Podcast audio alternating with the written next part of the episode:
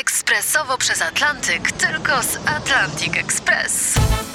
Z nami wyślesz co chcesz, kiedy chcesz, do kogo chcesz i to o 40% taniej. W Atlantic Express wysyłamy wszystko. 1 800 775 7363. Mienie przesiedleńcze, kontenery, paczki do Europy.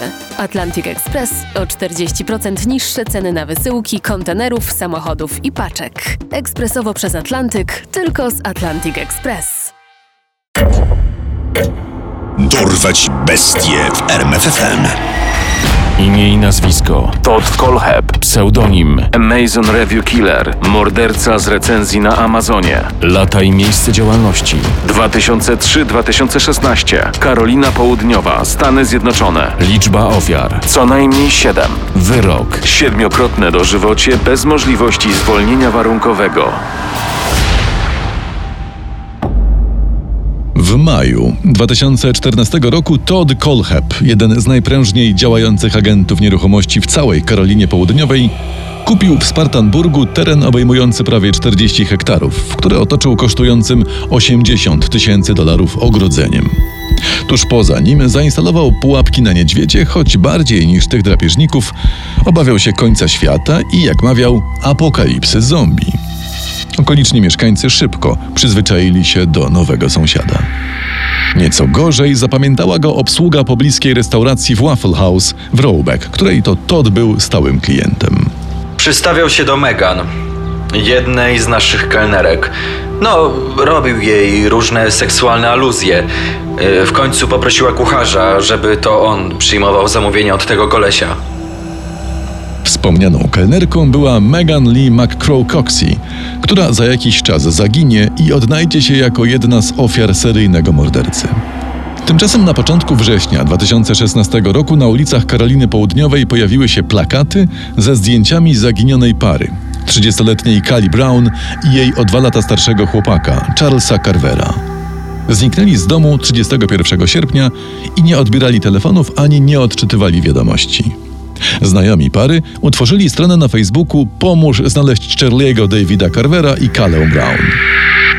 Kilka dni po zaginięciu 30-latków na prywatnej stronie Carvera zaczęły pojawiać się wpisy sugerujące, że on sam jest ich autorem. Charlie lub ktoś podszywający się pod niego umieścił m.in. grafikę z tekstem Jeśli nie byłbym szalony, to byłbym obłąkany. Pod wpisami zdezorientowani znajomi zaginionej pary umieszczali komentarze, na które ktoś odpowiadał. Hej Charlie, możesz powiedzieć, gdzie jesteście? Co z Kalą? A kim ty jesteś, żeby mnie pytać o moją dziewczynę? Zaczynam podejrzewać, że zabiłeś Kalę i się ukrywasz. Lol. A ja podejrzewam, że wtykasz nochel w nie swoje sprawy. Po paru miesiącach nie tylko przyjaciele Kali i Charliego, ale też policja zaczęła podejrzewać, że ktoś przejął facebookowe konto Carvera. Telefon mężczyzny logował się blisko posiadłości Toda Colhepa, który od pewnego czasu był na celowniku śledczych. Po pierwsze, wrzucał do internetu posty dotyczące zaginionych osób, sugerujące, że może tak naprawdę tacy ludzie po prostu uciekają z domu i nie warto ich szukać. Po drugie, okazało się, że ten ceniony agent nieruchomości miał całkiem bogatą policyjną kartotekę. W 1986 roku jako 15-latek był skazany za porwanie 14-letniej mieszkanki Tempe w Arizonie. Wymachiwał przed dziewczynką rewolwerem, a następnie wywiózł ją do siebie do domu, związał, zakleił usta taśmą i zgwałcił. Po czym odwiózł ją do domu, rzucając na odchodne. Jak komuś o tym powiesz, wrócę i zabiję twoje młodsze rodzeństwo. Sąd skazał wówczas Kolhepa na 15 lat więzienia. Podczas śledztwa biegli zdiagnozowali u Toda zaburzenie osobowości typu borderline oraz stwierdzili, że ma ponadprzeciętną inteligencję. Przez pierwsze lata osadzony sprawiał duże problemy resocjalizacyjne, ale gdy wychodził z więzienia w 2001 roku, jego zachowanie budziło nadzieję, że uda mu się powrócić na łono społeczeństwa i nie popełni już nigdy zabronionego czynu. Tak się jednak nie stało. 3 listopada 2016 roku, po 30 latach od gwałtu w Arizonie, policja postanowiła wkroczyć na teren posiadłości Colhepa. Jasno, proszę. Na sporej wielkości działce wokół domu Toda znajdowało się dużo gospodarczych pomieszczeń, a także dziwne kontenery. Podejrzliwość śledczych wzbudziły łańcuchy przytwierdzone do ścian shop. Znaleźli także kilka kępek jasnych włosów. Jednak prawdziwy szok przeżyli, gdy przechodząc koło jednego z kontenerów usłyszeli przytłumione krzyki i uderzenia od środka. Okazało się, że wewnątrz siedzi przykuta łańcuchem poszukiwana Kala Brown. Wyglądała niczym zaniedbany podwórkowy uwiązany do budy pies. Jak się później okazało, tak też była traktowana. Kolcheb wyprowadzał ją od czasu do czasu na smyczy. Charlie? On go, on go zastrzelił. Zawinął w folię i zakopał. Okazało się, że morderca poprosił Kalę, którą znał z biura nieruchomości, oraz Carvera, by pomogli mu przy pracach w ogrodzie. Gdy para zabrała się za przycinanie krzaków, Kolcheb wynurzył się nagle z garażu i oddał w kierunku Charliego trzy strzały z broni palnej. Następnie związał kobietę, zgwałcił ją i zamknął w kontenerze. Jednocześnie zastrzegł, że jeśli będzie próbowała ucieczki, podzieli los partnera. Nie zabił jej prawdopodobnie dlatego, że Brown wpadła mu w oko. Zabójca marzył, by pojawił się u niej syndrom sztokholmski i by odwzajemniła jego uczucie. Uwolniona przez policjantów Kala wskazała miejsce, gdzie spoczywały zwłoki Charliego i dodała. Sprawdźcie dobrze teren. To nie jest jedyna ofiara tego psychola. Straszą mnie, że jak nie będę posłuszna, to skończę w tej ziemi jak reszta. Słowa Brown okazały się prawdą. Kolcheb został aresztowany, a przeszukanie jego domu i ogrodu przyniosło kolejne szokujące odkrycia. Także opinia publiczna poznała mroczny życiorys Toda. Urodził się w marcu 1971 roku na Florydzie, a następnie wychowywał w Karolinie Południowej i w Georgii. Gdy miał dwa lata, jego rodzice rozwiedli się, a rok później matka poślubiła innego mężczyznę. Tot nie dogadywał się z ojczymem, a rozwód rodziców i nowa sytuacja w domu wpłynęły na jego dziecięcą psychikę. Już w przedszkolu był uważany za agresywnego. Niszczył zabawki innych dzieci, był okrutny wobec zwierząt. Za pomocą wybielacza uśmiercił złotą rybkę, strzelał też z wiatrówki do psów. Po trzech miesiącach spędzonych w szpitalu psychiatrycznym mały Todd został odesłany do biologicznego ojca, który mieszkał w Arizonie. Wtedy zakiełkowało w nim zainteresowanie bronią, którą kolekcjonował ojciec. Podczas pobytu w więzieniu, w którym znalazł się za wspomniany wcześniej gwałt na 14-latce, ukończył Central Arizona College, uzyskując tytuł licencjata z informatyki. Przez niemal dwa lata pracował jako grafik w firmie w Spartanburgu.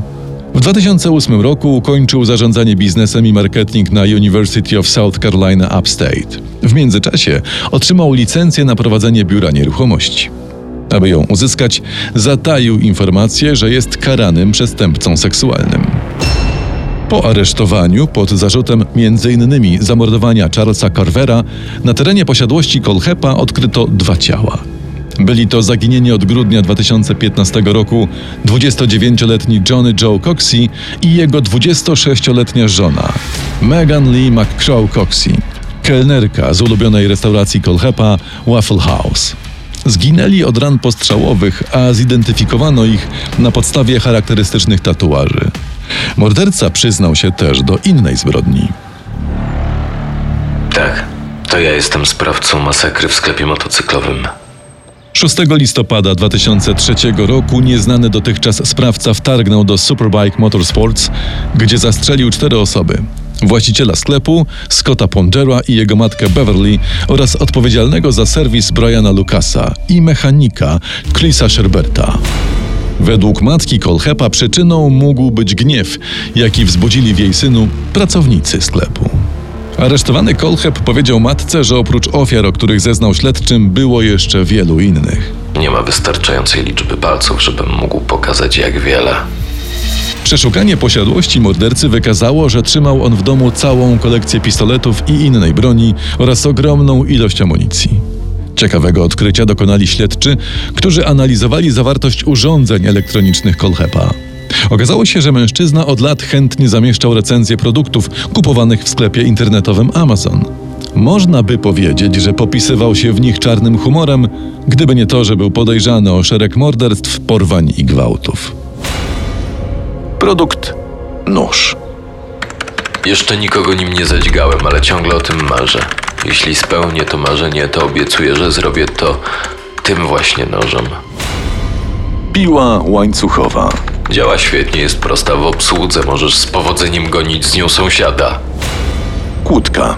Bardzo solidne zamki. Jak ktoś chce się uwolnić, to kiedyś mu się to uda, ale może już będzie wtedy stary i nie będzie miał na to sił. Saperka. Trzymaj w samochodzie na wypadek, gdy będziesz musiał pilnie ukryć ciało, a zwykłą łopatę zostawiłeś w domu. W związku z tymi niecodziennymi rekomendacjami Kolcheb otrzymał przydomek Amazon Review Killer, czyli morderca z recenzji na Amazonie. Morderca przyznał się do wszystkich stawianych mu zarzutów. 26 maja 2017 roku został skazany na siedmiokrotne dożywocie bez możliwości zwolnienia warunkowego w ramach ugody, która ocaliła go od kary śmierci. Mimo, że wielokrotnie powtarzał, że ma na koncie więcej ofiar, jak dotąd nie udowodniono mu tego faktu. Todd Kolcheb przebywa obecnie w zakładzie karnym Liber, więzieniu stanowym o zaostrzonym rygorze w Karolinie Południowej. W sierpniu 2020 roku część majątku seryjnego mordercy trafiła na aukcję, z której dochód w całości został przekazany rodzinom jego ofiar. Poznaj sekrety największych zbrodniarzy świata. Dorwać bestie w RMFFM.